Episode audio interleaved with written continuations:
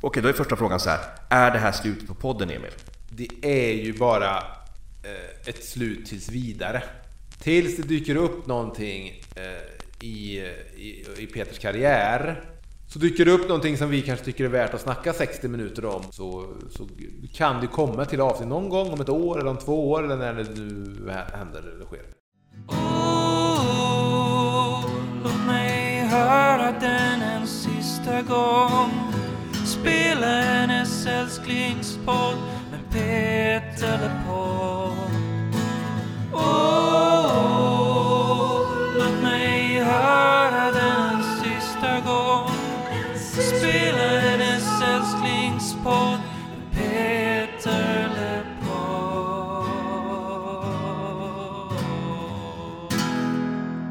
Välkommen hem. Jag heter Tony Savela och med mig har jag... Emil, så det efternamn nu, för att säga också det. Emil Gustafsson Ryderup. hur, hur brukar vi starta de här avsnitten? Ja, vi brukar väl eh, kanske börja med att jag på något sätt ger en liten sammanfattning av vad vi sysslar med. Ja, ja.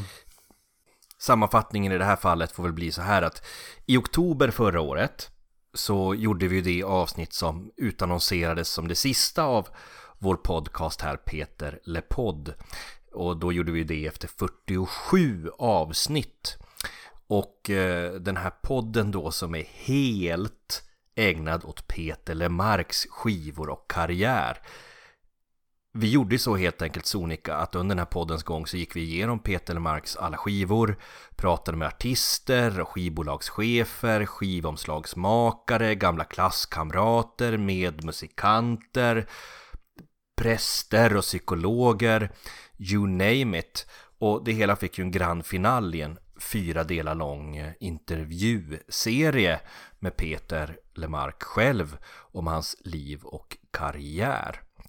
Men när vi släppte det där sista avsnittet den 1 oktober eh, 2021 så gjorde vi ju det under premissen att om Peter Lemark någonsin släppte en till skiva så skulle vi vara tvungna att göra ett avsnitt till. Och nu sitter vi här med en vinylskiva som heter Hemkört, ett destillat. Vilket då innebär givetvis att, att här kommer ett nytt avsnitt av Peter LePodd som ska prata om den här skivan. Eh, och det är ju väldigt, väldigt roligt att få sitta här igen med Emil och eh, diskutera Peter Lemark och få lite förnyad kontakt med våra underbara lyssnare vi hade med oss under poddens gång. Om de finns kvar. Ja, det, är- om- det, är, det är inte helt säkert. Nej, de kanske har övergett oss, insett Gått över till Uno Svenningsson-podden. Precis. I detta avsnitt så ska vi ändå liksom fortsätta den här traditionen med att intervjua personer som varit inblandade i det här med liksom skivbolag, att ge ut en skiva, designat omslag och skött distribution. Och den personen heter ju i det här fallet Emil Gustafsson Ryderup. Ja, men då välkomnar vi Emil. ja, men det är väl lite konstigt. Nu idag när vi spelar in, var är du i processen? Ja, men om vi, startar vår diskussion då med att, att vi finns i en process. Jag tror inte riktigt folk förstår. Alla lyssnare kan inte förstå vad den här processen är. Men processen är, vart vi är i processen, vart jag är i processen, är att jag har tusen skivor i min lilla etta på 37 kvadrat kanske. Och massa lådor som jag packar skivor i. Ehm, och, jag, och plastfickor som jag lägger skivorna i. och sådär, som sen ska ut till eh, människor som köpt den här skivan som vi ska prata om. Som jag har haft del i att eh, få fram. Och du, ja, du kanske har rätt, vi kanske måste börja från början eh, och berätta hela historien om den här utgivningen. Om om jag börjar så här då, vad är Hemkört? Hemkört är en samling på, jag tror exakt 40 låtar. Som Peter Lemark förra hösten la upp på Spotify. Släpptes den 17 september. Precis, och, vi, och det, det är alltså ett gäng demos, skisser till låtar närmast. Versioner av låtar som Peter har spelat in helt själv hemma. För att sen ta med sig in i studion för att göra en, en riktig då, inspelad version av. Eller bara som en skiss att skicka till en annan artist som får låten. Dessa slängde han då upp på Spotify. Vi fick ju möjligheten att lyssna på ett, ett stort antal låtar innan det och ge våra kommentarer. Och det slutade, slutade då sen upp i de här 40 som man valde ut. Och eh, under den processen, eller där så eh, frågar jag ju Peter några gånger, eh, men du släpper väl på det här på CD eller på, på vinyl? För det har du ju fans som vill lyssna på såklart. Det här är ju jättebra. Det här är ju... Låtarna håller ju betydligt högre kvalitet än hur Peter framställer det när han pratar om dem. Men Peter vill ju inte det med någon, någon sorts förklaring om att Nej men det här är ingenting att, att släppa, det här är ingenting som någon ska börja betala för. Jag lägger upp det och så får de som lyssnar lyssna. I princip. Eh, men jag frågade väl honom typ två, tre gånger om det där. Och, eh, men han sa nej och höll på eh, om att det inte dög att släppa. Och så då sa jag till slut, eller jag skrev till honom, att, och pitchade att, att jag skulle släppa det. Och då skrev han kort tillbaka, jag ringer dig imorgon klockan 15. och så ringde han exakt 15.00 och så sa han ju i princip, ja ja, om du orkar och vill så kan du väl göra det då. Och nu sitter vi här. Du sitter vi här, du håller ju i, i den färdiga skivan nu som äntligen har blivit färdig. Det har ju varit det har ju varit väldigt stora förseningar och så i hela någon sorts eh, vinylbranschen. Och eh, det har ju även då gällt även den här skivan. Så det har tagit lite tid. För det var ju i december förra året som vi gick ut med att man kunde förboka skivan och sådär. Jag kan faktiskt läsa lite grann här. Eh, jag har Peter Lemarks Facebook-inlägg här. Eh, som på något sätt bekräftar det, den eh, berättelse du just har berättat. Han skrev så här att i september släppte jag Hemkört undertitel Skisser och demos 1988 till 2017 på samtliga streamingtjänster. 40 outgivna inspelningar, hemmagjorda demoinspelningar av låtar jag går bort till andra artister men även en drös sånger som jag aldrig spelade in. Och eh, han skriver då projektet var delvis sporrat och påhejat av herrarna bakom podden Petelepodd. Sen återger han er dialog i korthet där, där han skriver att han sa Gör det själv, svarade jag. Och det är just vad Emil är igång med. Han färdigställer detta nu en LP med 11 av låtarna från Hemkört plus en tidigare helt outgiven demo. Emil håller i allt, produktion, logistik etc. Ja, det stämmer väl. Ja, det, det kan man nämna att det är en låt på skivan som inte finns på Spotify. Och den var ju med bland i, i, i de låtarna som vi fick lyssna på och ge kommentarer om.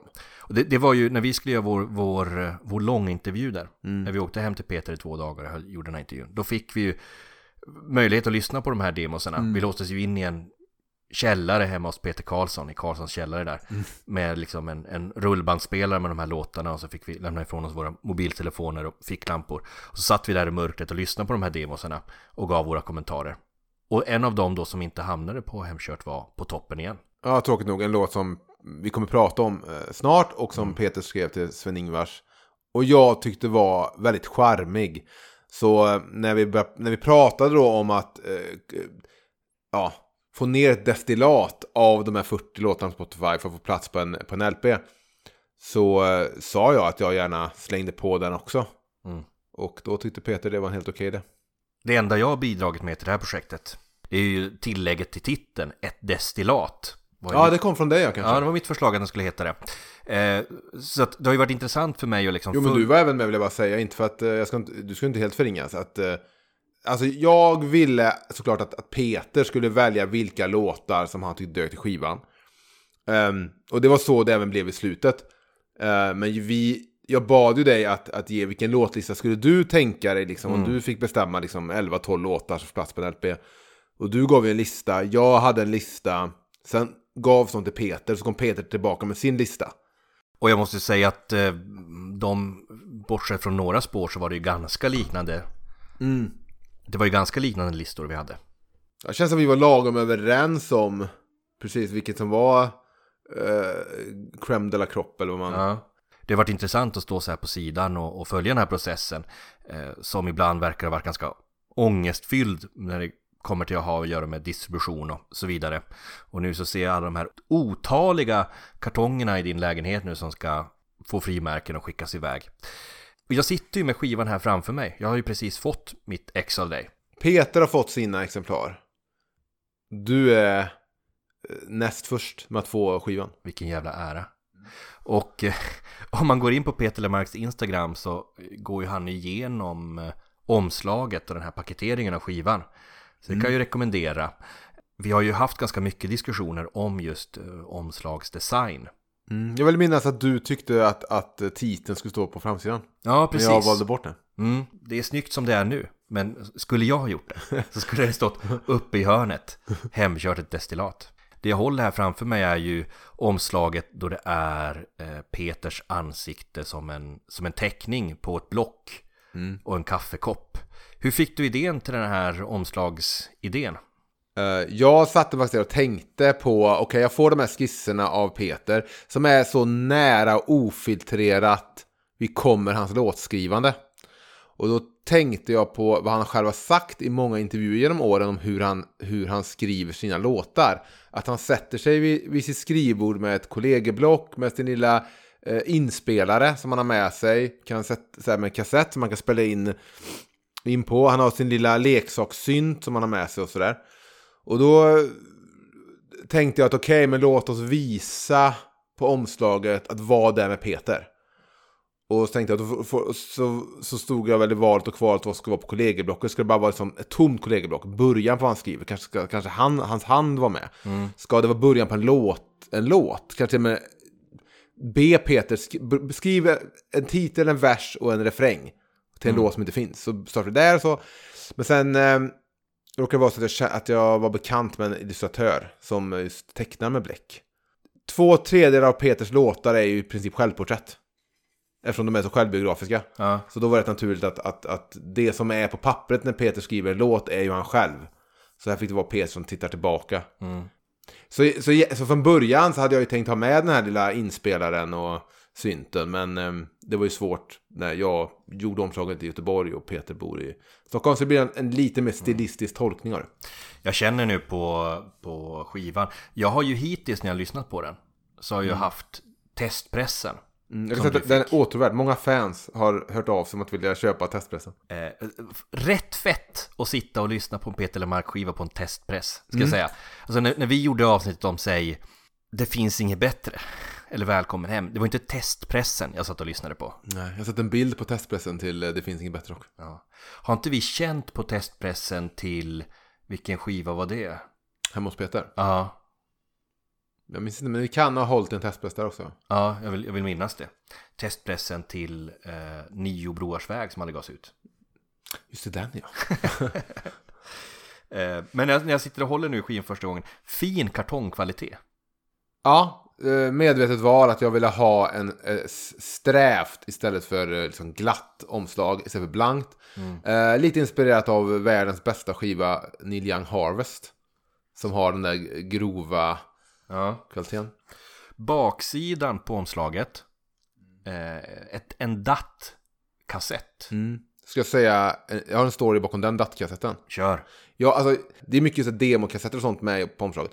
Så den datten hade ju inte jag. Jag hade en bild på datten. Så jag fick ju skapa det som kallas i, din, eh, du, i filmindustrin som du jobbar i, en prop. Ja. Så jag fick ju hitta ett dattband i Göteborg, vilket inte är så enkelt eh, 2021. Nej. Men det var en butik eh, i stan, en sån här privat jävla ljud och bildbutik. Som hade en sån här dammig låda i källaren. Jag tror vi har några dattar, men det har ingen varit inne på tio år och köpt en datt. Så där fick jag, fick jag tag i en datt och så fick jag liksom ta Peters bild på det dattband han hade tagit liksom. Med sin telefon och så fick jag skapa etiketten utifrån bilden på etiketten, skriva ut, stoppa in. Så allt du ser i den lådan sen på innerpåsen, för det är ju som att man öppnar en låda var tanken då, en skrivbordslåda och där ligger liksom ett potpurri av, av Peter som artist. Och nu, nu öppnar jag upp den här eh, skrivbordslådan då. Allt i den lådan, Smart idé. ja tack, tack. Lite klyftigt. Men allt jag ser i den, i den lådan är ju prop som jag fått skapat från bilder som jag fick skicka av Peter. Ja, det är fräckt. Du, eh, jag ser här, eh, du skickar ju med en, eh, ett blad med ett porträtt på Peter av den här konstnären då som heter, vad har hon skrivit under här med, M. Stengel. Vem är det som har gjort det här? Det är en tysk illustratör som råkat följa mig på Instagram. Jag tror för att jag la upp mycket för om Neil Young. Han verkar också gilla Neil Young. Ehm, och någon gång så undrade jag bara vad den här tyska gubben var som gillade allt jag la upp. Och då visade det sig att han satt och illustrerade i bläck. Så då frågade jag om han ville illustrera omslaget och det ville han. Så då... eh, Men eftersom jag på framsidan ville ha en väldigt skissig version av Peter. Men eh, illustratören då, vi- ville göra ett fullt porträtt. Så tänkte jag att okej, men du vet, stoppa halvvägs, skicka med en bild vart du är halvvägs och lägga det på omslaget. Och sen eh, eh kan du teckna klart det och så gör vi liksom en insert eller en liten... Eh, det är inte en litografi, men typ som en litografi man, man, om man vill få rama in på väggen. Det, det- det jag vill i alla fall säga med det här omslaget, det som är fint med att du har en skiss av Peter på framsidan och också med det här medföljande bladet. Det är ju på något sätt att det här är ju ett officiellt släpp men ändå inte. Det är ju väl tekniskt sett ett promosläpp när det är 999 X. Precis, och eh, Peter pratar ju om det som så här, av fans för fans. Jag har inte någonting med det att göra och sånt. Men det är så här, jag ser mig inte själv som ett fan som gör för fans. Jag ser mig själv som att jag rättar till verkligheten så det borde ha varit. För jag menar, som en science fiction-film där man, liksom, man sluter en, en tidsloop eller någonting, man åker tillbaka i tiden och fixar det som gjort fel, lite tillbaka till framtiden. Peter borde ju såklart släppt det här på, en, en, på, på något sätt på en fysisk media. Och jag, jag bestämde mig för att jag ska få verkligheten rätt och riktig igen. Så det ser jag min roll, att jag läkte på något sätt det tidshål som Peter skapade i verkligheten när han valde att bara lägga upp det på Spotify. Ja men det är härligt att höra att du har jobbat så mycket på din ödmjukhet under det här året som vi har pausat. Nu öppnar jag upp eh, skrivbordslådan här och tittar på vad som finns här och jag ser ju direkt liksom, vad ska jag säga, eh, påskägg. Eller liksom... Men det var tanken för att, du vet, Peter Le Pod-fans kan, lä- kan, kan kolla liksom på innehållet i den här eh, lådan och känna, fan här händer det grejer. Jo men jag tror att du har haft en känsla om du har öppnat någon så här...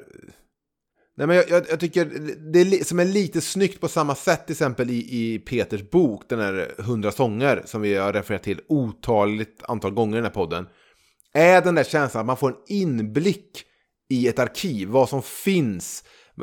Man får det, här- och jag tror säkert du har känt, känt det om du har kollat in någon booklet till Bob, något Bob Dylan-släpp eller om det har varit någon så här liten video filmad i Pearl Jams högkvarter till exempel. Så vill man bara pausa och titta på vad det står på rullbanden där bak. Vänta lite nu, det är någon demoversion så här. Så så var känslan. Jag ville liksom ge en, eh, ett potpurri och en inblick för fans. Att se liksom... Och, och, och vissa av de här sakerna som sagt vet jag att vi har pratat om i podden och, och har vi bläddrat i hans textpärm när vi var hemma hos honom och gjorde intervjun där.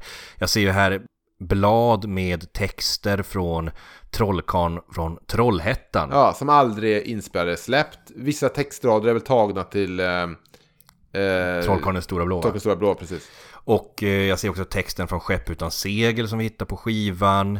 Eh, jag ser eh, LPn, Peter Lemarks Som vår passion. Ja, hans Peters första singel var kul att slänga med. Ja, eh, det är några foton på Peter. Vi hittar Telegrambladet har du fått Mm. in där som var omslaget på Spotify då. Ja, men det var ett sätt för att Hemkört har ju Peter bestämt är liksom omslaget är det, det telegrammet. Nu gjorde vi det destillatet, där vi gjorde någon greatest hits eller någon best of eller vad man ska kalla det.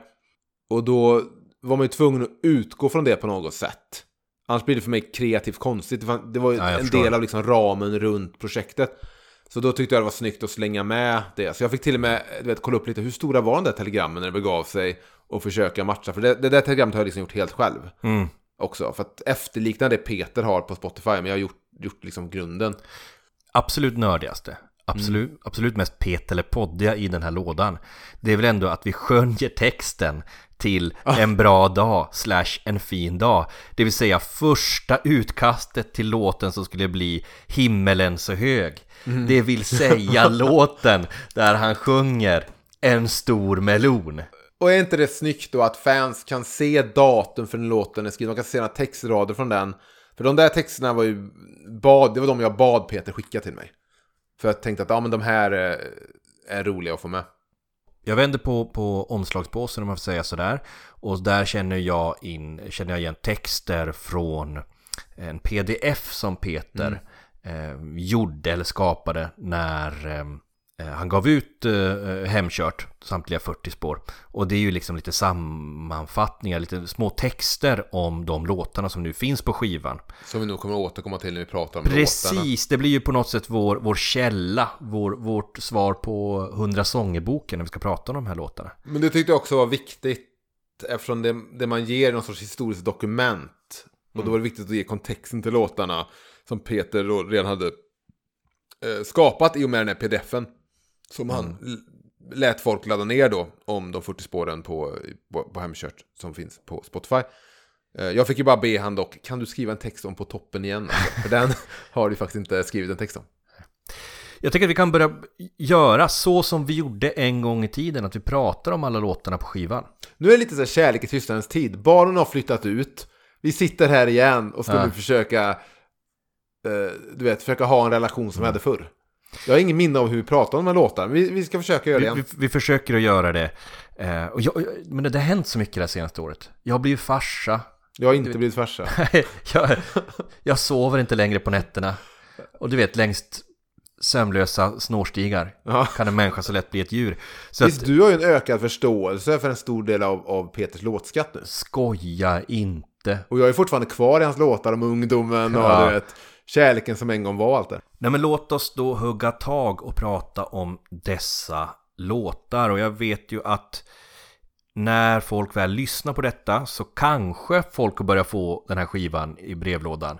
Vissa har inte fått det och vissa har ju inte ens beställt den. Så det finns ju vissa lyssnare vi har där som... eh, Men då kan de ju enkelt lyssna via Spotify då eftersom det finns ju de flesta låtarna. Alla utom en då. Precis. Och eh, jag kan göra så att i, i show notesen som det heter, eh, avsnittstexten på, på, till det här avsnittet, så kan jag lägga upp en spellista med just de låtarna som vi pratar om. Kommer då, kommer du då lägga in Sven-Ingvars på toppen igen? Lita på det. Ja.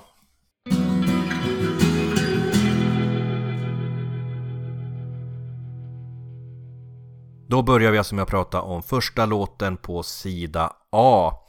Och det är ju också första låten på, på eh, Hemkört-samlingen på Spotify. Det vill säga bland de här 40 låtarna. Hålen i himmelens golv. Jag kan läsa vad Peter själv har skrivit Gör så. och sagt om den här låten. Någon gång på sommaren 1998 hörde Kjell Andersson av sig. Kjell var A&R och producent på skivbolaget EMI. Det skulle göras ett album till stöd för Amnesty. Jag vill bara säga att den här skivan har jag lyssnat på under min uppväxt, för mamma köpte den. Jag har den i, i bilen just nu. Oj, Mm. trevligt. Eh, finns även på Spotify.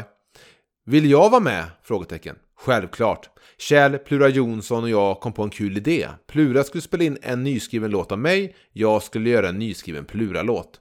Vi spelade in allt samtidigt, med samma kompband. Jag sjöng Pluras Himlen ser och himlen hör. Plura gjorde den här låten.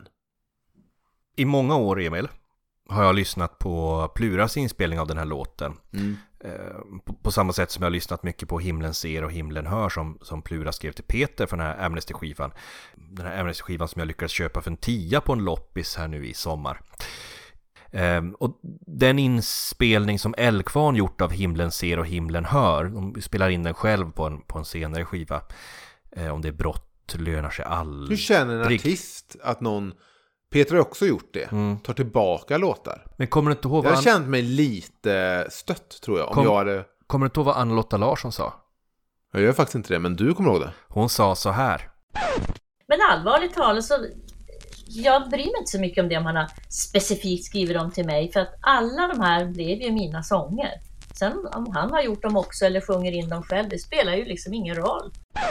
Det där var alltså från eh, vår intervju med Anna-Lotta Larsson några avsnitt sen. Nej men den här inspelningen då som Eldkvarn gjorde av Himlen ser och himlen hör till hör nog faktiskt en av mina favoritlåtar av, eh, av Eldkvarn som de har gjort överhuvudtaget. Eh, och var, därför var det ju roligt att äntligen få höra Peters egen inspelning av just då Hålen i himlens golv. Och jag skulle säga att precis som Plura sjöng Plura Mm. bäst så tycker jag Peter sjunger sin sång också bättre. En fin albumöppnare det här Emil tycker jag. Mm. En låt som alla var väldigt överens om. Skulle, skulle vara med på, på samlingen. Jag har skrivit här en av Peters bästa låtar. allt som allt. Tycker du det? Mm, jag tycker den här är fantastisk. Men det jag vill säga, jag tycker också att Peters version, precis som du säger, är, är bättre än den Plura gjort. Och skälet tror jag är att det är sån atmosfär och mood, som vibe som, at- som i låten. Eh, Pluras har mycket mer attack. Mm. Eh, jag tycker att den saknar liksom den känsla som den här demon har. Men det jag tänkt på är då Frågan är om den här låten skulle blivit bättre, lika bra om Peter spelat in den själv också. Styrkan i den kanske är just den här demoproduktionsråheten och att det är väldigt lite dovt och lite smutsigt. Det, det liksom ger låten liksom ett stänk av magi. Redan här kan man ju säga att, att det här är en samling med demoinspelningar. Och han har väl oftast gjort de här demoinspelningarna med samma teknik. Eh, trots att de är inspelade under, under lång tidsperiod. Att de har en homogen ljudbild de här låtarna gör att skivan faktiskt låter väldigt sammanhållen. Och det gör att det inte känns som en spretig samling. Men för, för jag trodde nog när, när Peter pratade om de här demosarna till oss. Och så här, vill ni lyssna? Jag har ett gäng låtar, ska jag skicka dem så ni kan lyssna? Lalla. Då... Det var ju sånt där som ens föräldrar varnar för att man inte ska göra. Kommer det någon och liksom försöker locka in dig i din skåpbil? Stor bild på Peter själv. Stannar, kliver ut och frågar, vill ni komma in här och lyssna? De, ja, demoinspelningar på. Ja. Jag har med mig en portal. eh, Ja. Ja, marmor-outtakes här inne. Du Jag springer bara, in jag bara bilen. springer, jag skiter i allt mamma och pappa har sagt om att inte... Ja. Mm. Hur som helst, eh, det jag ville säga är att jo, att jag trodde att det skulle vara mer som när man har ramlat över någon Nirvana-demo eller någon Neil Young-demo och sånt, att det skulle låta brusigt, dåligt, man hör knappt sången. Det, är så här, det här är inte ens kul att lyssna på. Så är det ofta när det är så här, eh, köp den här deluxe-utgåvan. Det går, kommer med 14 olika demos som en låt. Man bara, jag vet om hur det där kommer låta. Det är fan inte kul. Eh, så jag blev väldigt glatt överraskad till att, som du säger också, att det här låter riktigt jävla bra. Låtarna håller ihop väldigt bra. Det är sån kvalitet att det går att lyssna på den på annat sätt än om man slår på en jävla Bob Dylan-demosamling och Ja. gör... Ja. Och, och, och när man liksom samlar dem på en skiva så här så innebär det att skivan får en egen ljudidentitet. På samma sätt som... Det är lite lo-fi. Ja, ja, ja precis, men, men den får en ljudidentitet på samma sätt som Tunna tråden eller det som Håller oss vid liv hade. Alltså att, att, jag säger inte att den här skivan låter som dem, men Hemkört låter verkligen som Hemkört. På samma sätt som den tunna tråden låter väldigt mycket Och sen vet jag att tunna det sitter tråden. någon lyssnare nu säkert, eh, kanske Dahlbäck, och tänker men ni hör väl fan att det är trummaskin? Mm. Det där är inga riktiga trummor. Bara, jo, man, vi hör det, men jag, jag, det tar ifrån noll från låtarna tycker jag. Mm. Som sagt, jag tycker det här är en av Peters bästa låtar. Och då tar jag med produktionen. Jag, inte att det är en demoinspelning som skulle kunna bli mycket, mycket bättre med Torun Thorén vid ett mixerbord. Utan jag tycker att det här är en av hans bästa låtar. Eh, som sagt, det kan ju vara demosoundet som tillför det. Men, men det, det som det här soundet eh, hjälper till att förstärka kvaliteten när just den här sången Hålen i himmelens, i himlens golv är ju att det finns en så här drömst och svårfångat som liksom går igenom texten. Får får jag dra en liten så här kuriosa grej om låten? Kör! Eh, en jämförelse mellan Peters version och Pluras. Sånt här älskar vi. Jag är relativt säker på att Peter sjunger Säg, är jag ännu inlåst i denna fjättrade kropp? Men Plura sjunger Säg, är jag ännu inlåst i denna fängslade kropp? Sen sjunger Peter Där böden dräper domaren och stjäl hans kappa och peruk. Medan Plura sjunger Där böden dräper domaren och tar på hans kappa och peruk. Mm. Det som får mig att tro att Peter ändå kan ha skrivit den här låten lite för Plura är för att just så här, han sjunger om böden, han sjunger i någon, någon vers så sjunger han om unga pojksoldater. Det är så här bildspråk som känns mer Plura Jonsson än, än eh, Peter Fransson. Mm. Men det, kan vi komma till som vi pratar om på toppen igen, att Peter ibland skriver för en artist Ja. och går då in i skriver inte en Peter-låt för Peter utan verkligen så här vad, så det kan nog stämma kanske. Får, får jag fråga en, en fråga som är väldigt så här Peter eller podd när, på den tiden vi höll på och, och var som bäst. Vad betyder hålen i himlens golv för dig? Jag har skrivit här ett, eh, frågetecken kring eh, dö, dö, dödens närvarande. Har skrivit här. Ett gammalt favoritämne. Ja, för jag tänker, det är ju ett av våra, i en checklista. Att vi hade en checklista i den här podden. Ni som lyssnat, har lyssnat och lyssnar igen på oss eh, lär väl minnas det. Men då var det ju det här att döden, döden är väldigt närvarande i Peters låtskrivande. Och väldigt mycket på den här skivan. Jag kan nästan se det som, om man nu vågar prata om det här som ett album, om vi gör det för skojs skull. Så är det nästan lite, alltså den hör ihop väldigt naturligt med Svag doft och skymning och Den tunna tråden lite. Att den behandlar döden i många låtar och, och livets slut och sådär. Du, jag kommer komma med samma påstående längre fram. Ja, fantastiskt. Vi är så synkade. Känns som att det var det förr, nu är vi det. Hur som helst, så eh, jag gissar på att eh, hålen i himlens golv är att eh, se upp mot himlen och börja se, se dit man är på väg. Se en, Okej. en, ja, en, en lite, litet springa in i dit man ska. Är det fel? Jag har en annan tolkning. Mm. Eh, Jag kan, jag kan börja med att läsa en vers här va? Gör det. Den Klass, klassiker också i Petter Podd, att vi, att vi läser. Ja. Dramatiskt och vackert. Så här eh, sjunger han i andra versen. Jag hörde någon säga, den som är oskyldig och fri. Men hur uthärdas den tystnad som finns i varje skri? Säg, när vande jag mig lyssna till klockornas klang och vända mig bort till alla skuggbilder försvann? När slöt sig natten åter tät, som om ingenting skett. Mörkret blev så exakt, fast jag svär att jag sett hålen i himlens golv. Det är ju kryptiskt. Om jag ska Ja, nu, gå- nu, jag vill ändra min... eh, Men, ja. Ja, om jag ska våga mig på en tolkning Mm. så tänker jag att låten kanske handlar om förlorad oskuld. Mm. Att växa upp och upptäcka livets avigsidor, om man, om man ska säga så. Det är någonting med låten som, som, som får mig att tänka på eh, det här med hålen i himlens golv. Att, Mm. att man ser, man har haft en idealiserad eller idoliserad bild av någonting. Och så upptäcker Okej. man sprickorna i fasaden. Okej, du pratar om sprickor. Man, ser, man, man står nästan i himlen och ser sprickorna i, i, i, det, i det som målas upp som, som paradiset. Ja, eller att man blir korrumperad. Okej, För jag har sett, mer, jag har sett det mer Att som man, att... man, att man, dröm, man, man, man drömmer om ett utopia Mm. och sen istället för att skapa sitt utopia så skapar man, tar man genvägar och skapar någonting som är liksom lite falskt. Okej, och jag ser det nog mer som att låten handlar om att, att befinna sig i någon sorts... I ett mörker. Kanske en värld man inte vill vara en del av eller man har fastnat i eller man... Möjligtvis något, någon sorts depression. Men så ligger man och ser upp. Och ser man ändå hålen in till himlen. Så har jag nog sett det.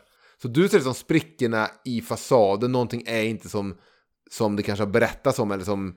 Men har, du- har du sett David Lynch film Blue Velvet? Ja, det är klart. Den börjar ju med att, att man åker, åker genom ett så här eh, 50-tal-ish villaområde. Ja, white picket fences och röda rosor. Precis, det är liksom the American dream. Och sen så liksom dröjer sig kameran kvar vid en man som, som eh, vattnar gräsmattan. Och så går den ner liksom i gräsnivå. Tills liksom man ser skiten under gräsmattan och liksom skalbaggarna och myrorna som slåss mot varandra och där är det liksom barbari. Hade det bara förekommit lite sex utomhus och trosor som hänger på ett streck så hade det kunnat vara en Petter Mark-låt. Ja, nästa låt är just vid den här tiden. Du nämnde en person som heter Anna-Lotta, Anna-Lotta Larsson. Eh, Och vi pratade med henne i ett avsnitt tidigare i den här podden. Och den här låten skrevs ju för henne i september 1996. Hennes inspelning, säger Peter, av låten är titelspåret på ett album från 98 där jag har skrivit alla sångerna. Vi har gjort ett helt avsnitt om den skivan. I vår intervju med Ja, Anna precis. Larsson. Mm. precis, precis. Så, så lyssna på det, det är väldigt intressant. Och det är en skiva värd att lyssna på också. Hennes skiva.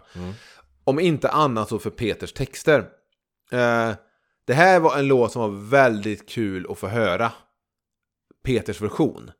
Efter man hade hört hennes. Den har legat, jag har hört den faktiskt även Ja, innan Hemkört. Ja, den, den låg på hans hemsida, den finns inte där längre.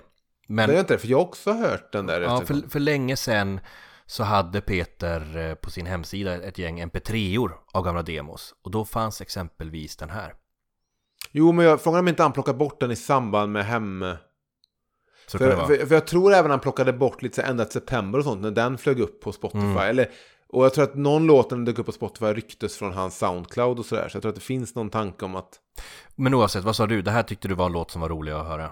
Mm. Ja men det var kul att höra Peters version för att lite likt um, Hålen i himlens golv så skiljer den sig i, i känsla och atmosfär från Anna-Lottas. Anna-Lottas är ju väldigt fin. Mm.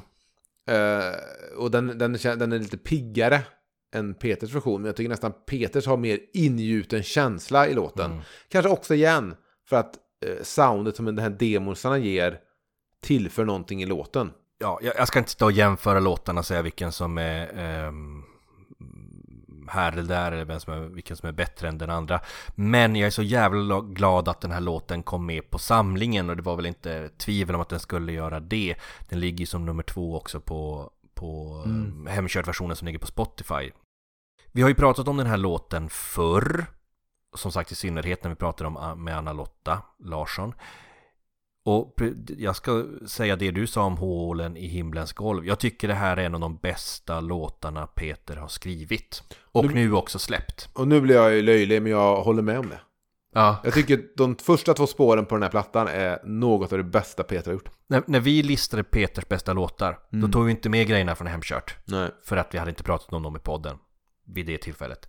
Men eh, för mig så är just vid den här tiden, det är ju ja, 10 i topp.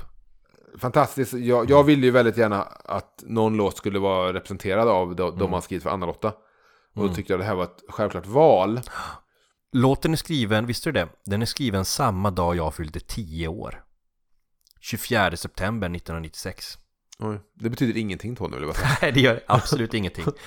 Eh, Men, men det förstärker, förstärker min, min, min kärlek för den här låten. För, för det första så älskar jag soundet.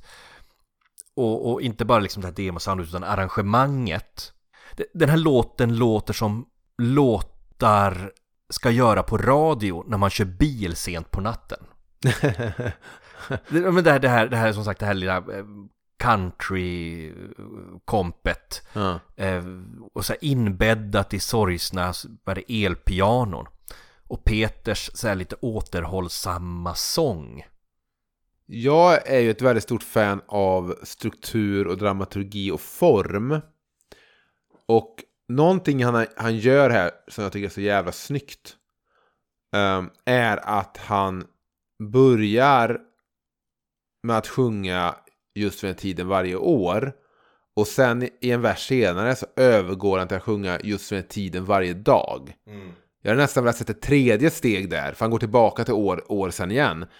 Eh, men för han, han använder samma snygga form i, till exempel, det har säkert hänt i, i flera låtar, men till exempel i Havet, vågorna och vinden, där han också ändrar, varje gång det kommer en ny vers, så, en, så sjunger han samma sak, men han ändrar lite varje gång, att det blir, det, det blir så snygg progression i låten. Att det inte är så som många låtar att, och nu kommer refrängen igen och så är det någon som står och sjunger Keep on rocking the free world. Så att, jag älskar när man låter, låter låten liksom skruva sig eller dramaturgiskt växa. Och därför tycker jag det är väldigt snyggt att det går från år, men sen bara, nej det är fan, det här är också varje dag. Ja. Och det har ju något att göra med det här med att Alltså det går ju att läsa sången som om den handlar om att sångaren saknar ett förhållande som tagit slut och som är svårt att släppa. Eh, men För mig har den här låten alltid eh, beskrivit sorg på ett väldigt träffsäkert sätt.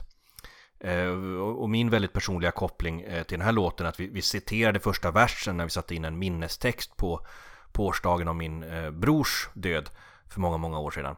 Eh, Och, och jag har alltid liksom haft och efter det har jag alltid haft svårt att höra låten som, som något annat än, än om hur det är att lev, lära sig leva med, med sorg och saknad. Så att även om låten kanske har en, en annan betydelse, annan mening från början så är det liksom min, min personliga läsning att väldigt mycket att den handlar om att, att lära sig att leva med, med sorg. Och, och att det då finns vissa datum och ibland vissa klockslag då det är liksom svårt att hålla smärta på avstånd.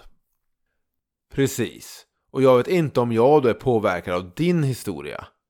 Men jag, när jag lyssnar på den låten så är, är det också en låt om sorg.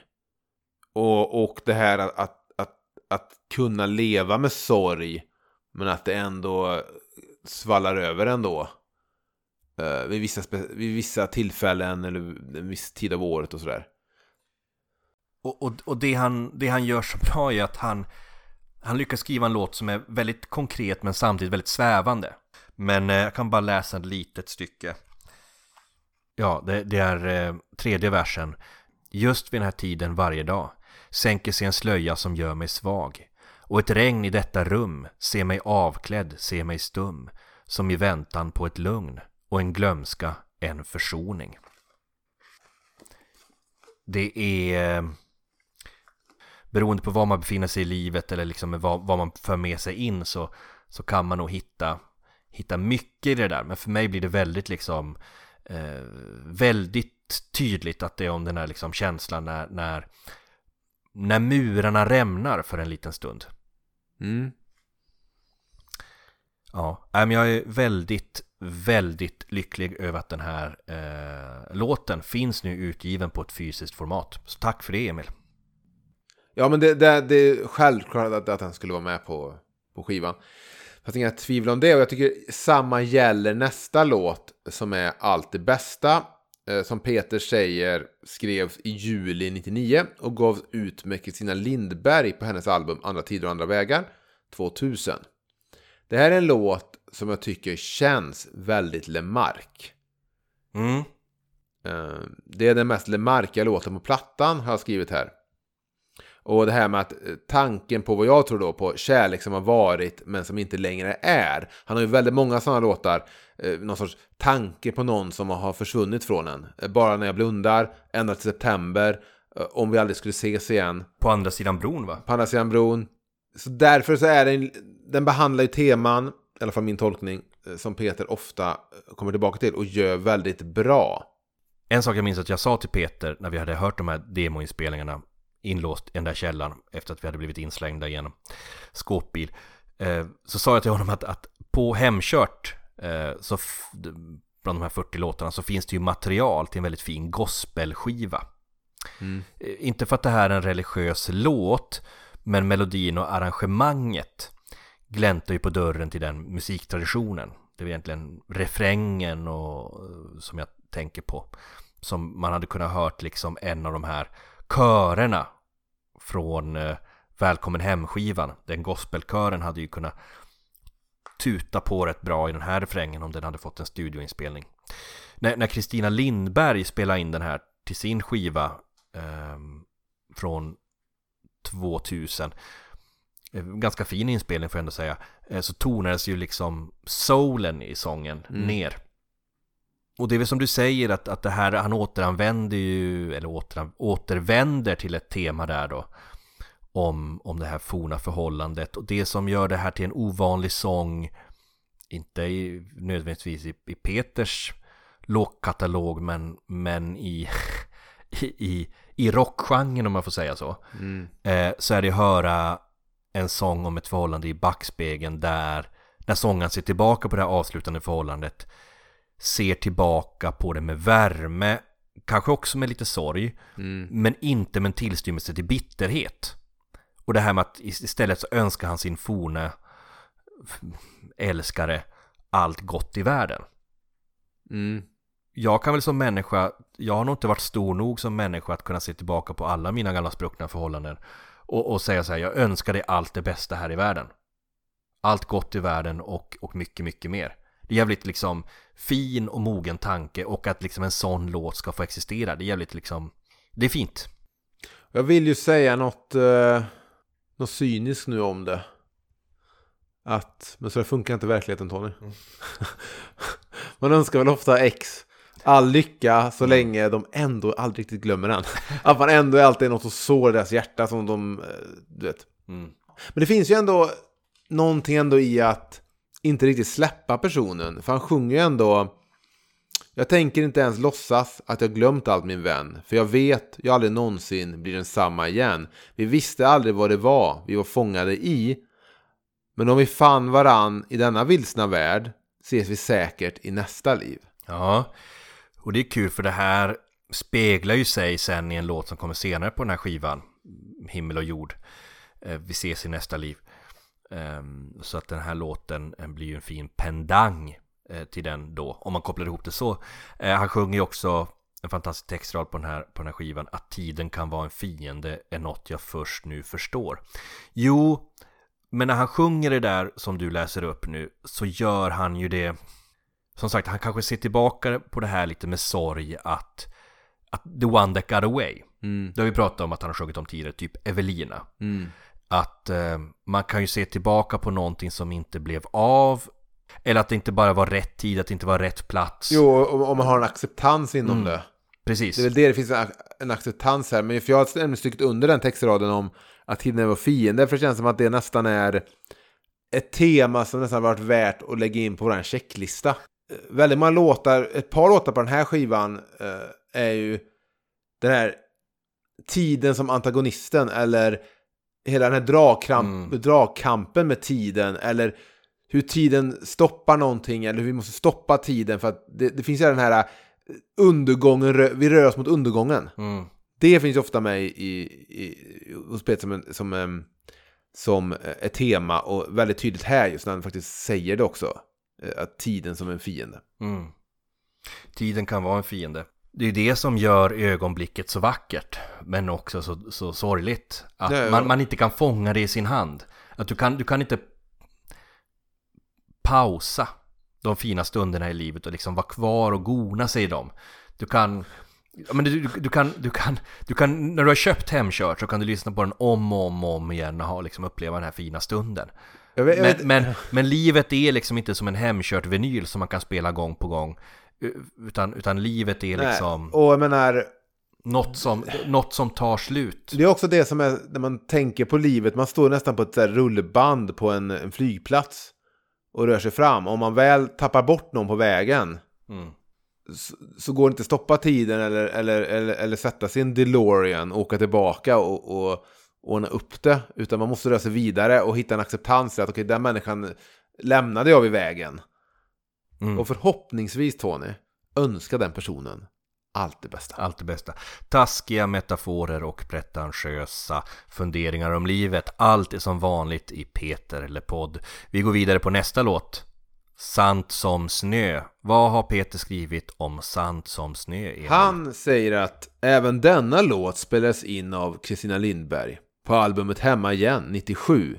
Skrevs i oktober 96. Återigen en toppenlåt. Och någonstans här så måste jag avslöja Emil att det här kanske inte du gör så ofta, men eh, 2022 så har du nog gett ut ett av årets bästa album.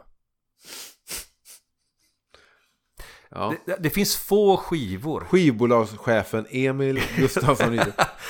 Ja, vem fan kunde tro det när vi började prata om vita skivan. Det finns få skivor eh, eh, utgivna i år, Emil, där man fyra spår in känner att det håller så här pass hög kvalitet och spoiler, spoiler, hela jävla A-sidan fortsätter i alla fall i det här eh, på det här liksom 5 plus spåret. Den här folkvisedoftande melodin påminner lite om brudbuketten, tycker du inte det? Hmm. Jo, men det gör det ju. Jag vet inte vad man säga om vad det är för typ av melodi, men det är väldigt så här... äh, Hur fan ska man beskriva den? Men det är liksom en, en låt som nästan eh, mals fram. Mm. Det är nästan som att Peter maler fram texten, men inte på ett dåligt sätt. Mm. Men så här, texten rör sig framåt och melodin får liksom hänga med. Mm. Skulle jag beskriva det. Jag, jag- skulle vilja säga att eh, det kanske är den här liksom countrytrummaskinen igen, men, men det är som en låt som står med ena, ena foten i cowboyboots, liksom, eh, och med andra foten på någon äng i Dalarna. Alltså den, den gifter liksom någon sorts amerikansk eh, countrytradition kanske, med någon liksom svensk folkvisa egentligen.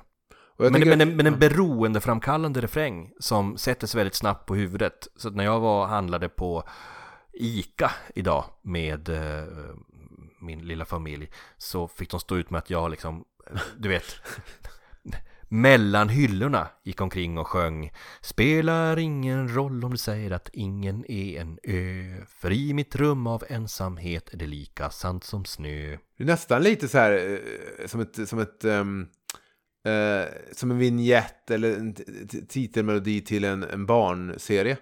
Jag tänkte, men jag, tänkte, jag tänkte bara nu när du sjöng, kanske, det kanske är... Jag, jag sjunger ju med helt fel betoning och Ja. melodi, för mig lät det ju mer som rednecks Ja, men då, då kommer man tänka på Lemark. de här heter det, Trasdockorna, om du minns den eh, Ja, serien Sikt när vi var små.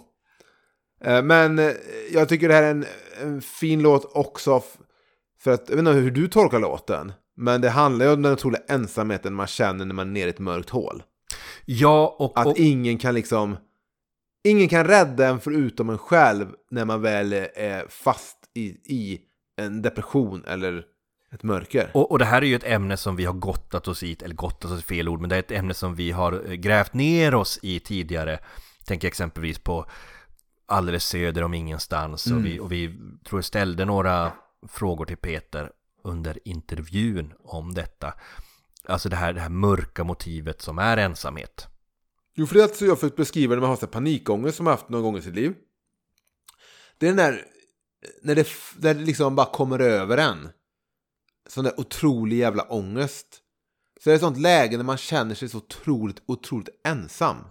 För jag minns när jag har haft här riktig panikångest för saker. Att jag liksom kan ha bläddrat igenom min adressbok på telefonen. För att se så här, kan jag ringa någon? Men det finns liksom ingen att ringa, de finns liksom inte längre. Nej. Kan du förstå känslan? Mm. Man är bara helt jävla ensam. Och det tycker jag han beskriver väldigt fint här. Men bör sägas att det finns ett hopp i sista versen i låten. Att det inte är helt beckmörkt. För där pratar han ju om att nå fram till någon i slutet. Att någon ändå finns där. Men jag tänker på uttrycket sant som snö. Är det ett vedertaget begrepp? Nej, jag har aldrig hört eh, det innan och jag funderar på mm, vad det betyder. Har du en tolkning? Nej, jag tänkte bara på den Hasse Alfredson-filmen Fall som vatten. Att det, vad fan betyder fall som vatten och vad fan betyder sant som snö? Jag tänker sant som snö kanske det här att, att försöker man hålla sanningen eller eh, i handen så smälter den snabbt bort. För att precis, för att det som är, är lika sant som snö är ju någonting här som han beskriver som inte är sant. Alltså som jag säger att någon säger så här, men jag finns här, jag finns här, eller du du vet, det finns alltid någon så här. Men när man väl har den där otroliga panikångesten så kan man stå fan mitt i Madison Square Garden på en, på en eh, konsert med Bruce Springsteen. Men man är ändå helt jävla ensam.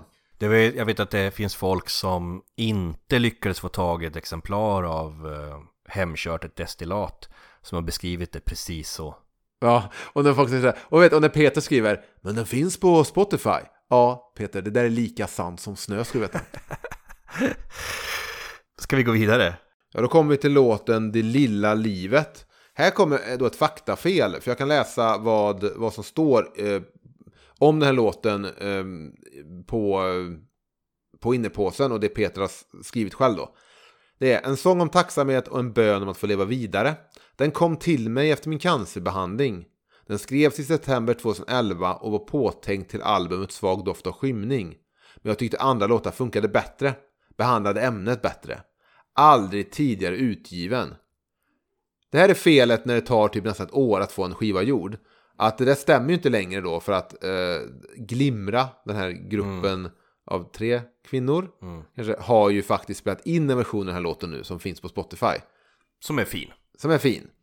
Så eh, ja, det där kommer jag alltid gräma mig då att det där är ett litet faktafel på innepåsen. Men eh, får, jag, får jag dra min spontana reaktion som jag minns att jag hade av den här låten? Dra åt helvete! Vem fan kunde tro att svag doft av skymning satt och tryckte på så här tunga jävla outtakes? Mm. Alltså svag doft av skymning, fantastisk skiva.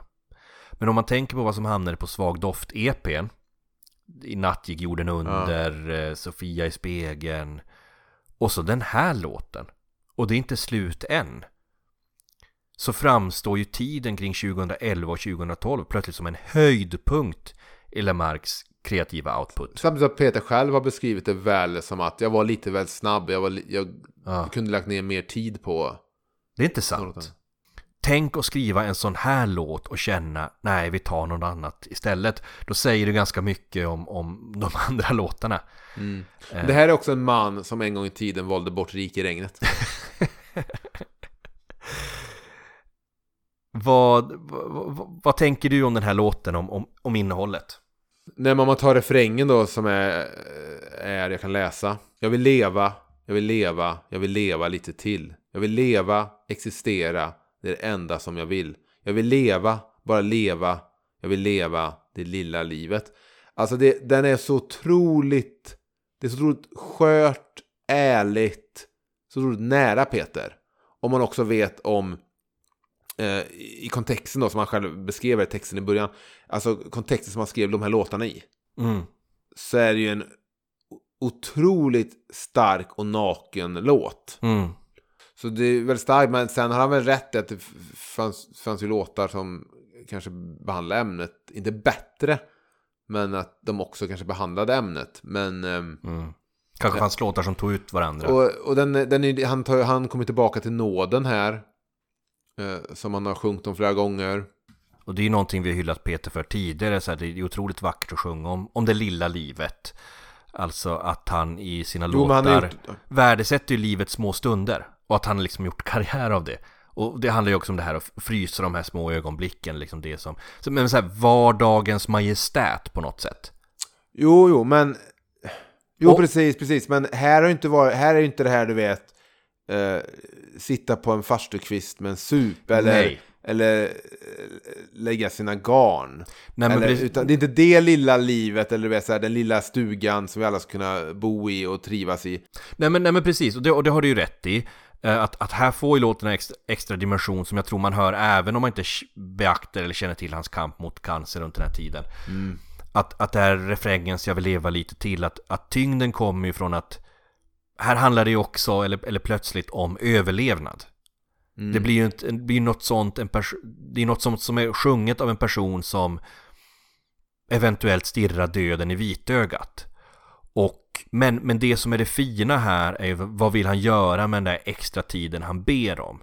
Jo, han vill leva lite till. Det är en ynnest att få bara vara. Det, det är vackert och modigt. Precis, så liksom, Att, att, att liksom bl- blotta det. Men det är väl med att, ja, precis, att, att kunna eh, stanna upp och bara se det absolut fantastiska i att vi har fötts. Mm. Och att allt det livet erbjuder eh, att det, det finns inga krav. Man behöver inte ställa krav på hur livet ska vara.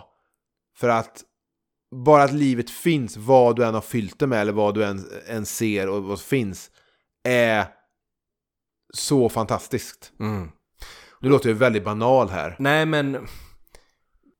Ja, men det, det är som den här, du vet, när man ställer den här frågan till folk att så här, eh, om du fick reda på att du skulle dö imorgon, eller att om du fick reda på att jorden går under imorgon, vad skulle du göra då? Och jag hade ju inte hoppat fallskärm, utan, utan det jag hade velat göra är ju att åka hem till min familj och ha en helt vanlig dag.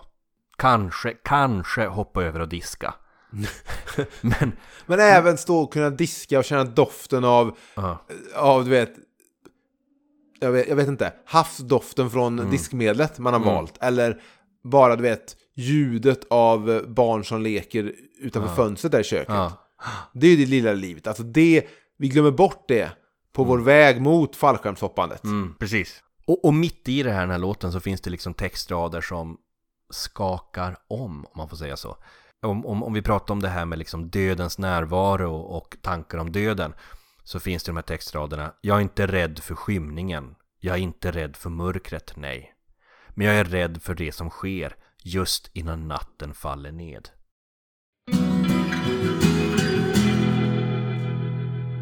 Sida A på Hemkört destillat avslutas med låten När vi älskat. En låt som också skrevs till Anna-Lotta. Ett försök att göra något slags Italien-inspirerat slager, skriver Peter, från 60-talet. Och den gavs då också ut på hennes Lemark-platta som han beskriver den. Plattan då där han skrev alla hennes låtar från 98. Det som är snyggt att avsluta med den här låten också. eh, vilket- och det, alltså, det bör ju sägas igen att det, det, det är Peters låtlista. Det är Peter som har valt hur låtarna ska ligga eh, och det. Och det är en väldigt lugn liksom nästan som en, låten känns nästan oändlig när man Mm. lyssnar på den. Man är, man är liksom inne i någon sorts moln av bara... Mm. Och eh, så jag tycker det är en väldigt, väldigt snygg eh, slutlåt på en sida. Eh, för man nästan liksom sakta men säkert försvinner bort ehm, från sida A. Mm. Eh, och jag har skrivit här, är detta Peters mest intima låt? Att bara stanna i ett ögonblick. Och det handlar bara om att vara så otroligt nära en person. Ja. Precis. Det, fi- det finns liksom en romantisk atmosfär. Det luktar neonljus och sockervadd. Nej men det, det, det, det är som du säger att han, han, han sa att det här var någon sorts Ita- Italien-inspirerad slager. Eh, och jag, jag gillar de här, om man får säga, genrepastischerna av Peter. Jag tänker på eh, Innan snön faller ner, den här outtaken, outtaken han släppte i fjol. Eh, från, från 2007. Och i det här fallet så man kan liksom se honom i vet, så här, vit kostym och en jävla massa pomada i håret. När han står. Men så, som du säger, det, det, är en, det är en väldigt intim låt. Ja, men jag tror för jag har svårt liksom att ve- jag har svårt att fånga in vad en Italienspelad slager från 60-talet är riktigt. Mm. Jag hör ju bara en otroligt nära Ja. intim låt. Visst, det finns väl kanske en vi... Lyssnar man på den på fel dag så finns det väl en viss kladdighet. Mm. Möjligtvis i, i, i låten, men den är... Men, men, men kladdighet på ett positivt sätt. Alltså, jag, jag kan ju säga att Anna-Lotta Larsson, hon sjöng ju skiten ur den här, Ja. tycker jag verkligen, på sin skiva. Eh, och även om hon tonade ner det italienska smöret, Ja. så, så gjorde hon ju... Eh, hon, hon gjorde ju den här verkligen som en dunderballad och liksom eh, strippade ner den. Och det är intressant att jämföra de här två versionerna. Jag säger inte att den ena är starkare än den- andra. Men hennes version blir liksom lite mindre 50-talstryckare. Ja, okej, men jag vet, på, på, på, som jag sa, på fel dag eller på en viss dag Mm. kan man höra det, men på vissa så sitter man bara nästan och hör Peter viska till en. Mm. Om, alltså man är bara fast i på något sätt det mest intima som finns. Mm. Även om jag måste ändå ta upp det här nu. Att hela det där, du vet, ögonblicket efter man har älskat. Alltså, alla är olika. Mm. Men hela det här, du vet, bara hittar det, alltså, jag har aldrig varit så jävla sugen på typ, fan, ett glas O'boy och så, nu, nu drar vi tre avsnitt av MacGyver. Ja. Som precis efter man har älskat. Du kanske mer är att, att du ligger där och röker en cigg i någon sorts, någon sorts, någon sorts du vet, Ja. 60-taligt Rom. Med neonljus utanför hotellet och allting. Och bara, du vet, vi befinner oss bara i det ögonblicket för alltid älskling.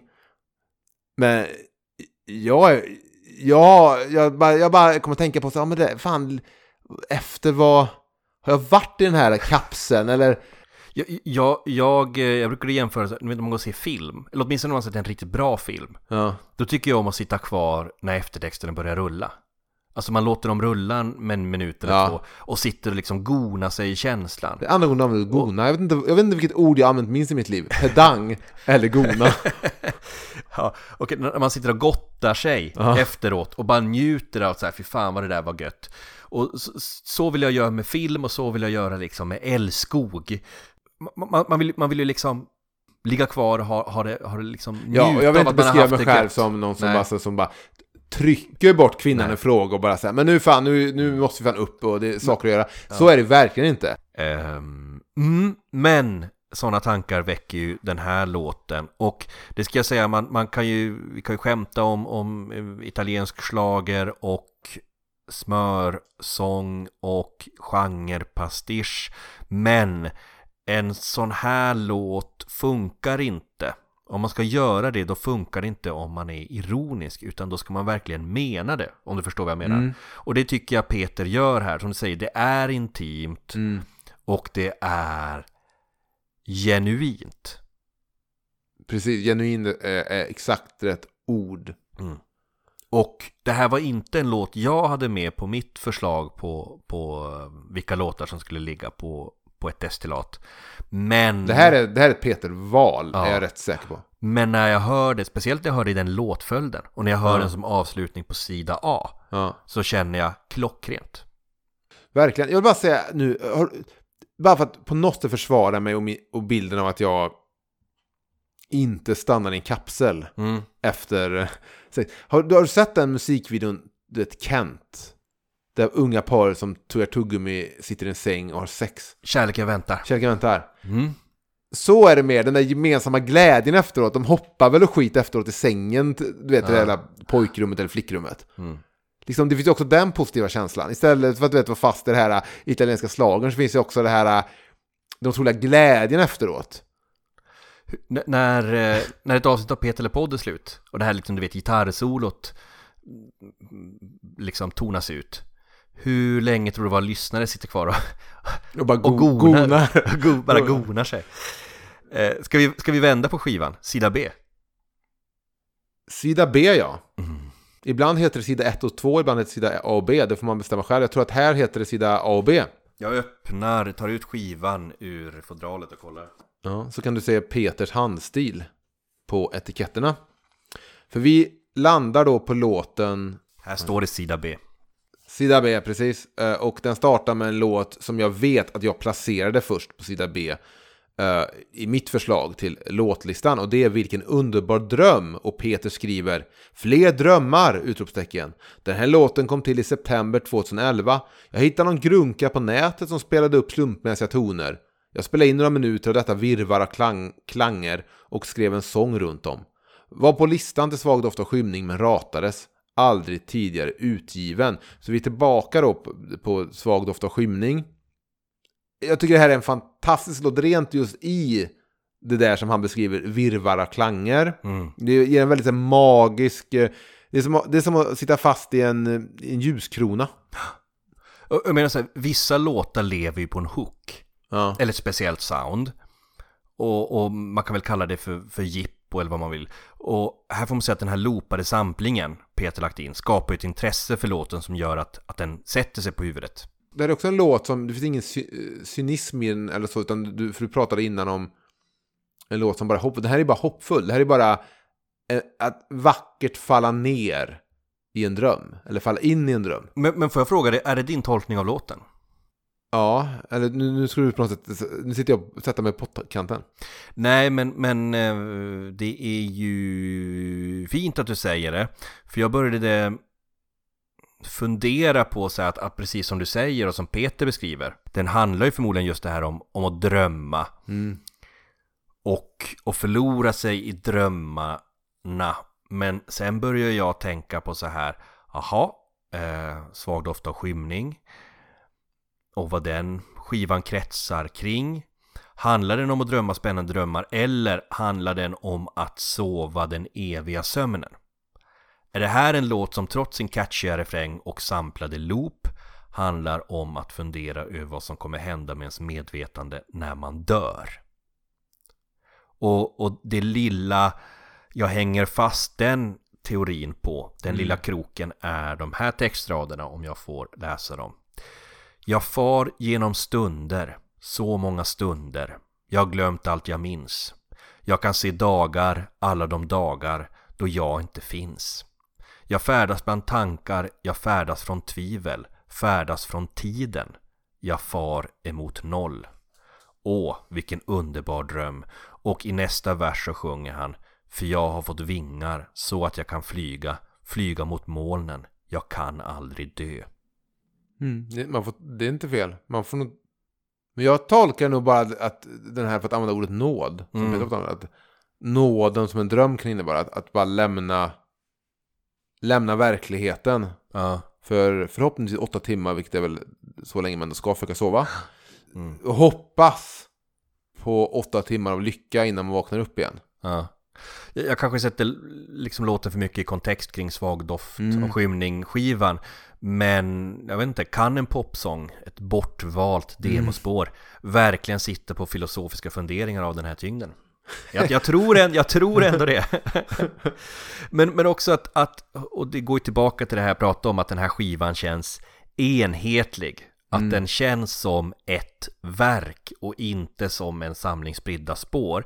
Är just de här temana och orden och, och det här med liksom eh, eh, färdas från tiden, färdas eh, från tvivel, dagar då man inte finns, drömmar, eh, eventuellt döden. Alltså det, det, det är mycket som, som går igen. Ja, sen är alltså, det, det är ju en övervikt av låtar från Peters senare karriär Precis. på Hemkört rent generellt. Det är väl naturligt på ett sätt att det. Och tur, tur Mm. för skivan då och, och låtarna att det rör sig lite. För det är ju precis drömmar och det är eh, tiden och det är den sakta färden ändå mot, eh, mot någon, någon sorts... Ja. Ett slut. Ska vi gå vidare på nästa låt? Du är mitt morfin. Ge Eh, oss, ge oss kontexten Emil. Ja, det är en låt som han skrev åt Fredde Wadling på uppdrag av den här Kjell Andersson då. Denna låt skrev jag i maj 2006, säger Peter, och gjorde även skissen här hemma i Bagis. Bagis är då Bagarmossen, Miljöpartiets starka fäste i Sverige. Den gavs ut med Fredde Wadling på dubben The Dark Flower, Den mörka blomman 2009. Den här låten tycker jag är som mest fantastisk för att den har en jävla atmosfär och ett jävla sound. Mm. Eh, och att den också är lite tryckande Jaha. i att... Jag vill inte säga ordet kvävande, för det, det är en väldigt vacker låt. Men det finns bara som ett, ett, ett, ett lite mörkt, och det kanske även passar Freddie Wadling, men det finns liksom ett, som ett mörkt täcke över en när man lyssnar på låten. Mm. Kan du förstå den känslan? Ja, verkligen. Men, och här blir det ju liksom extra intressant att jämföra versionerna av inspelningar. Mm. Alltså när, när Fredde Wadling sjunger den här, som kanske många sjung, sånger han sjöng, så var ju alltid så här mörkret överhängande. Mm. Och mörkret finns ju, finns ju också här i Peters version, men när Freddy sjunger att någon är mitt morfin, så känns det som att morfinet är något destruktivt. Och då, då kän- känns det också som att det sjungs av en person som har tagit eh, en stor mängd droger. Men när Peter sjunger det så känns det mer som att morfinet är något smärtlindrande. Mm. Det är kul det, det du läser här om att när, när Peter skrev det, att han gjorde det när han höll på att skriva Kärlktystnadens tid. Eh, och jag kollade den här textboken han har. Mm. Och gjorde en kanske intressant upptäckt. Om du ger mig en sekund här. Hoppas inte jag säger nu att låten skrevs på min 15-årsdag. Nej men, eh, Du är mitt morfin skrevs eh, 4 maj 2006. Mitt emellan låtarna Någorlunda dag och Mas- Mascherima 5. Mm. Så eh, för Någorlunda dag skrevs 19 april och Mascherima 5 skrevs eh, 3 oktober. Så att det är ju eh, Det är ju ett halvår från det att den, den första till den tredje låten skrevs där. Men det är ändå en trio låtar som kan läsas som en kärleksförklaring till sin älskade eller sin partner. Någon som finns där hos en under vardagens gråaste stunder eller mörkaste stunder eller när livet är som en fest. Och, och samtliga tre låtar innehåller rader som handlar om att den personen finns där för honom när han har drabbats av det där mörka molnet av ledan och, och vad som kanske kan kallas för en depression eller sådär. Eller det här du pratade om tidigare, eh, de där stunderna man känner sig så ensam. Eh, Om, om du tillåter mig kan jag bara jämföra några rader från de tre låtarna. Eh, Att i Någorlunda dag, den fantastiska låten, sjöng han Och min rastlöshet bedövad av ett slags rus Du berättade om en gång när det var höst Jag hörde inte på men älskade din röst I Du är mitt morfin sjunger han. Jag stirrar i taket, min hud är så kall som ett regn. För skör för att gråta, för matt att gå upp ur min säng. Då är du min spegel och jag kan se det du ser. Jag kan se din frälsning och vilken lättnad det är. Och i Ma- Mascherima 5 Den på ytan rätt bubbliga glada sången Så sjunger han Lite som en italiensk slager från 60-talet. Precis. Detta liv kan vara en ynkedom och denna leda så oändligt tom. Men du får mig att glömma ibland, Macheri Mafem. Det- Ser, ser att det finns en röd tråd mellan dessa tre låtar och kanske mellan de här Kärlek, tystnadens tid-låtarna som man nu på något sätt kan räkna du är mitt morfin till. Ja, tre kärleksförklaringar såklart. Peter måste lära sig att eh, vidga spektrumet av teman. Eller så är det just det som vi uppskattar. Men som du säger, eh, största styrkan i låten, dess atmosfär. Fint spår. Sen kommer en låt som heter Nakna mellan himmel och jord. Peter skriver Susanne Alfengren Norsk väl? Stämmer det? Norsk sångerska? Ingen aning. Kan ha fel. Eller någon från hennes skivbolag hörde av sig och behövde en ny låt. Den hade jag redan skrivit i maj 2000 och den spelas in för en samlingsskiva som hon gav ut 2002. Jag har lyssnat på ett liveframträdande av Susanne Alfengren av den här låten. Mm. Från 2005 tror jag. Eh, då låter det för mig lite väl mycket Frälsningsarmén. Mm. Så eh, Peter håller tillbaka Frälsningsarmén-soundet. Vad är din tolkning av den här låten? Nej, men jag har haft lite svårt att hitta in i texten. Eh, då jag först tolkade det som en bokstavlig sång om ett liv efter döden. Då han möter upp någon och lever i ett, något sorts paradis. Och när du säger det du läste från eh, Allt det bästa. Hakar ju nästan tag i det.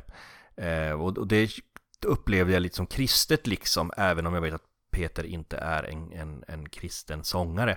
Men jag börjar fundera på om det snarare är en metafor, eh, för de bibliska metaforerna är ju rätt tacksamma, eh, för en förhoppning om att en dag kunna fortsätta en relation som, tog slut. Som exempelvis i allt det bästa. Eh, och att man med åldern blivit klokare, lagt ner sitt svärd och kanske har bättre förutsättningar att kliva in i den där kärleken som man inte kunde få att funka en gång i tiden. Få en andra chans till att älska igen. Jag fastnar väldigt mycket vid eh, det, det här och vi ska sjunga halleluja. Jag har faktiskt eh, tagit här ett litet citat med mig om just ordet halleluja Mm. från Svenska kyrkan. Mm. Där det står I svenska biblar översätts ordet i allmänhet inte, utan det står halleluja. På något enstaka ställe är det översatt till prisa Herren, vilket är den enklaste svenska översättningen. I 1917 års översättning står det lova istället för prisa. Jag vet inte riktigt varför jag läser upp det här, men jag gissar att det är för att eh, utbilda våra lyssnare lite om ordet halleluja. Det jag tycker lite är att det är ett ord som Leonard Cohen äger. 100% med tanke på sin låt eh, Halleluja. Och det får mig också att tolka den här låten lite in i att det handlar om en för detta älskare och att hitta en möjlighet att kunna ses igen då i någon sorts ah, eh, livet efter.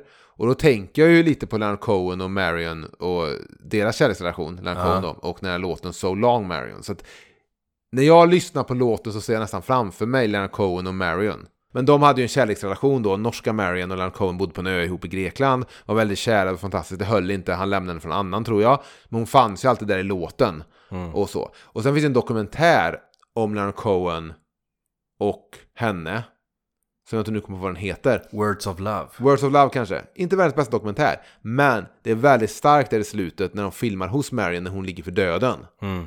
Och Leonard Cohen har skrivit brev till henne. Där han säger någonting i, i princip, det är det jag minns från dokumentären.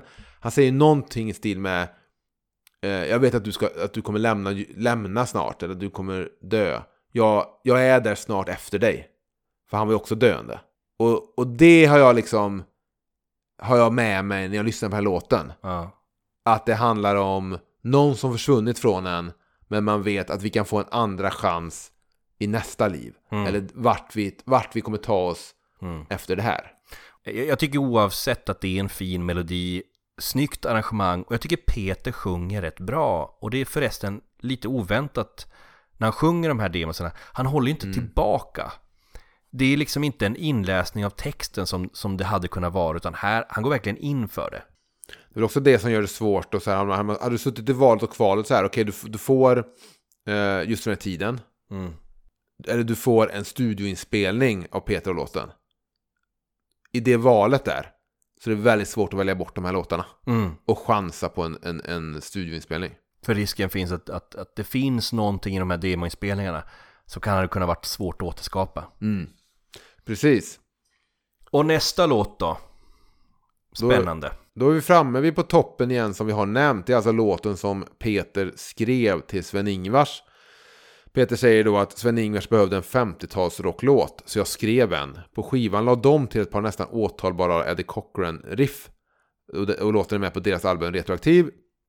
Men det här är då eh, Peters version. Han sjunger i någon sorts rockabilly-persona. Det låter lite som Ca- Carl Perkins hade kommit från Bagarmossen. Visst, jag köper det. Och jag vill minnas att han gör lite samma i en låt han skrev, för Jerry Williams Meningen platta. med allt. Heter det Meningen för allt? Meningen allt. Ja. Mm. Och jag tror att, att hade jag satt ihop den här så tror jag att jag hade haft meningen med allt istället för på toppen igen. Det är jävligt kul att på toppen är med här, på toppen igen. Men man hade kunnat byta ut de två låtarna och fått samma effekt. Ja, men i På toppen igen så nämns Saab vid namn.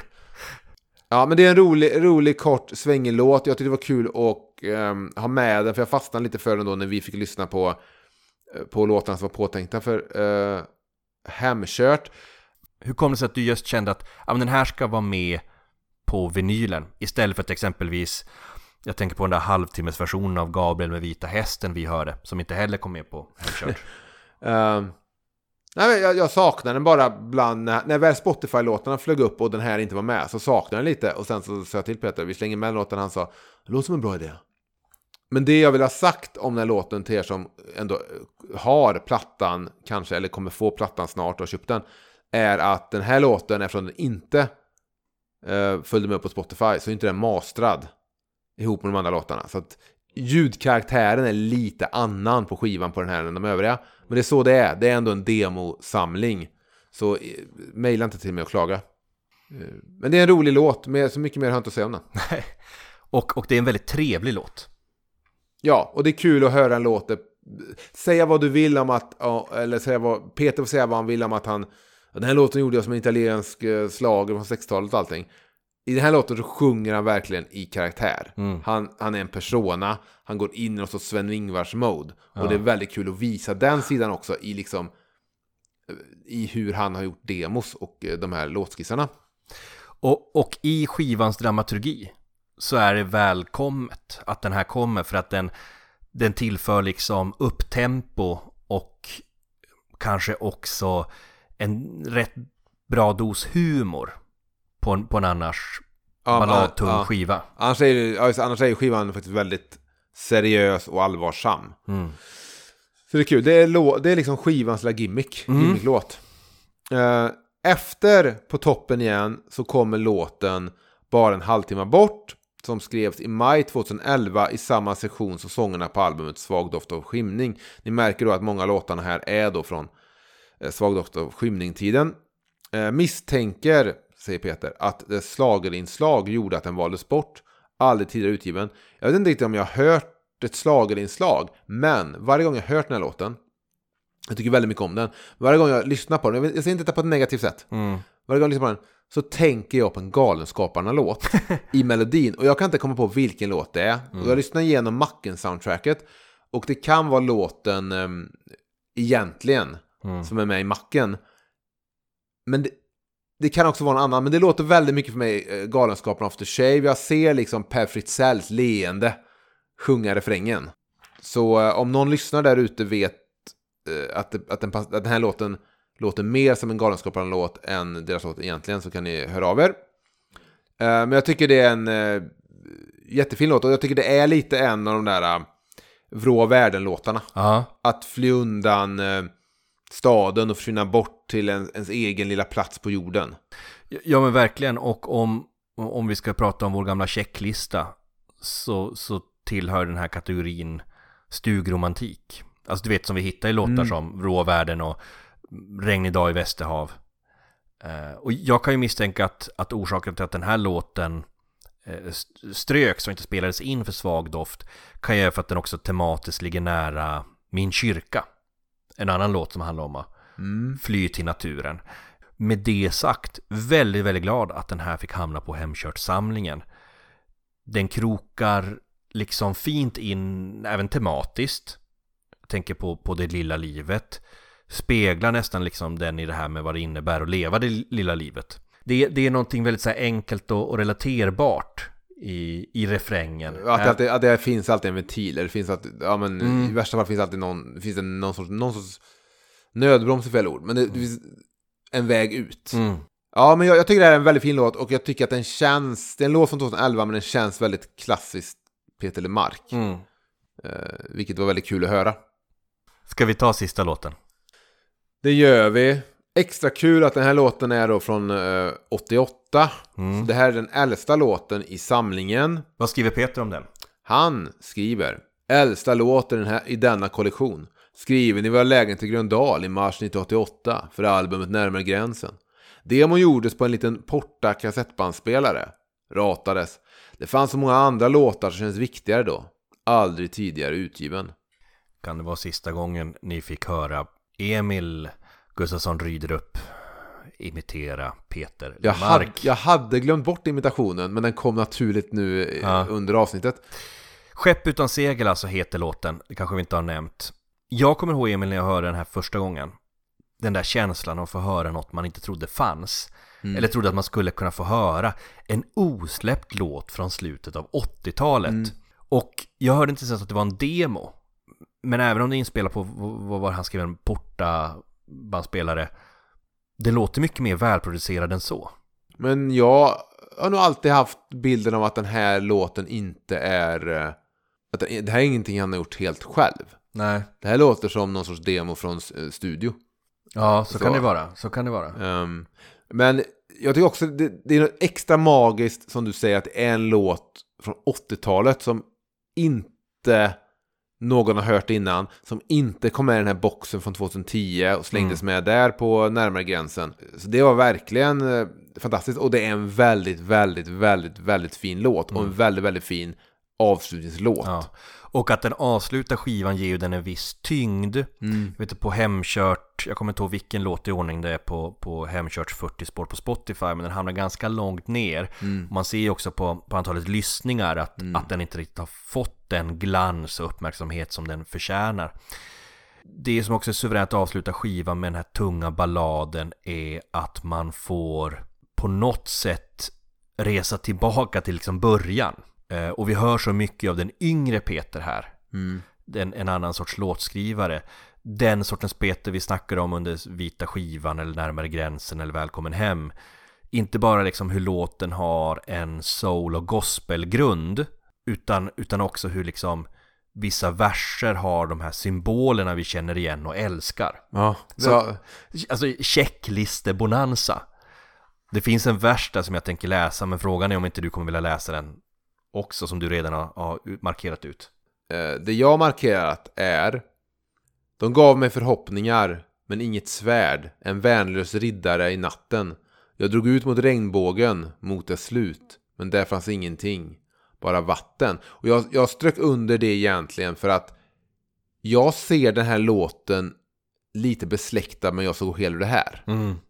Och jag ser De gav mig förhoppningar men inget svärd Att det är Vad han fick med sig från sina föräldrar Mm. och att han är liksom ensam på det här skeppet nu. Också ensam liksom geografiskt på det sättet att han är borta från, han har, han har ju sin fru och så i Gröndal, men han är ändå borta från familjen, han är borta från kontexten i Trollhättan. Ja. Så satt jag sömnlös under samma måne som lovat guld. Jag bar en sten i bröstet, en tung, tung, tung skuld. Så satt jag sömnlös under samma måne. Alltså, det är ju classic. Ja, han skulle, han skulle ju sen göra en låt som heter Sömnlösas måne. Och eh, det blir också nämnas att det här guldtemat är ju med ända från Buick. Mm. Skepp utan segel, titeln då påminner ju också om Sjömän utan stjärnor. Eh, och om våra lyssnare minns den gamla Buick-låten som fick en eh, jam-version. Finns på extra spåren till eh, vita skivan. Precis. Eh, snygg avslutning, Mm. fantastiskt kul att höra en låt eh, från 80-talet som av någon anledning inte har eh, belysts innan av Peter. Det, ja, men det, det, det är väldigt, väldigt bra. Och det är väldigt, väldigt häftigt att den också får, får finnas och existera liksom fysiskt utgiven. När alla hårddiskar har raderats så finns fortfarande liksom 999 exemplar av den här vinylen där Skepp utan segel finns ingraverad. Kände du också att skivan, den, att det var 180 gram? Jag kände, jag kände den fysiska och den symboliska tyngden. Blir det så Emil att Skepp utan segel blir den sista låten av Peter Mark som vi diskuterar i Peter podd då tycker jag vi kan vara rätt så nöjda med det. För då knyter vi inte bara ihop någon säck till mot liksom var den här resan började för oss utan vi får också avsluta med att prata om en suverän sång. Jag håller med helt och hållet. Men jag vill bara säga att det här är då avsnitt 48 av den här podden. Möjligtvis sista någonsin. Mm. Någon sorts pendang. Här har vi gonat lite om, om den här plattan. Men det, om det är 48 då finns det ju upp till 50 en snygg siffra. Så finns det ett avsnitt om Peters nästa studioalbum. 49. Och sen har man Ullevi-spelning. Avsnitt Just 50. det. det är mycket snyggare om vi avslutar på 50 avsnitt Precis. än 48. Men det ligger ju i händerna på Peter. Precis. Vi kan inte göra mer nu. Så att, att om det finns folk där ute som vill höra mer av oss, det finns bara en enda grej som kan, kan hjälpa att få fram fler avsnitt, det är ju släppa fler skivor. Ja, vi behöver mer content. Ja. Och content kan bara komma från ett håll. Vad roligt det var att få återbesöka eh, världen Peter Lepodd och vad roligt det ska få bli att få höra reaktionerna på detta avsnitt och reaktionerna på Hemkört-skivan. De som väl har fått den. Och jag vill bara säga att om folk inte har fått sina skivor, men ni nu hör det här avsnittet och hör att Tony sitter med en. Så är det så det är. Han bor granne med mig. Han, han kom bort och hämtade den. Om inte skivorna har kommit till er så, så, så är jag på väg att skicka dem. Har ni fått skivorna så eh, tack för att ni köpte. Och Ja. att ni lyssnar och att ni tyckte om eh, projektet och eh, att ni lyssnar på Peter Lemark. Det som då är värt att säga är ju att vår intro och outro-musik den är gjord av Den är gjord av Kristoffer Hedberg, Trollhättesonen som har bandet Easy October och varit så snäll och gjort våran introlåt. Vill man eh, kommentera det här avsnittet, kommentera Hemkört, kommentera vad man nu vill så kan man antingen mejla oss på peterlepoddet.gmail.com eller ja, kommentera våra sociala medier. Och podden har ju levt vidare på sociala medier under, vår, eh, under vårt, eh, vad ska jag säga, uppehåll med att släppa avsnitt. Vi har ju bland annat släppt en julkalender. Eh, Vi har, vad har vi mer gjort? Ja, vi gjorde även en, vi listade alla låtar vi har pratat om i eh, ordning från eh, sämst i citationstecken till bäst. Peter Lepodd alltså, på Instagram och Facebook. Allt är bra nu. Gitarrsolo.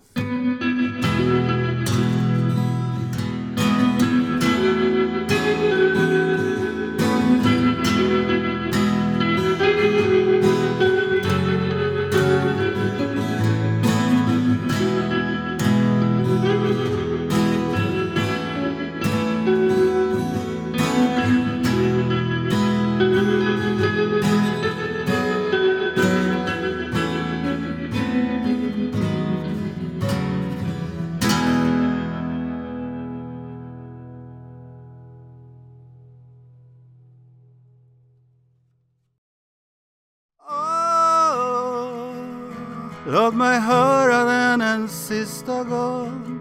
Spela hennes älsklingspodd med Peter LePaul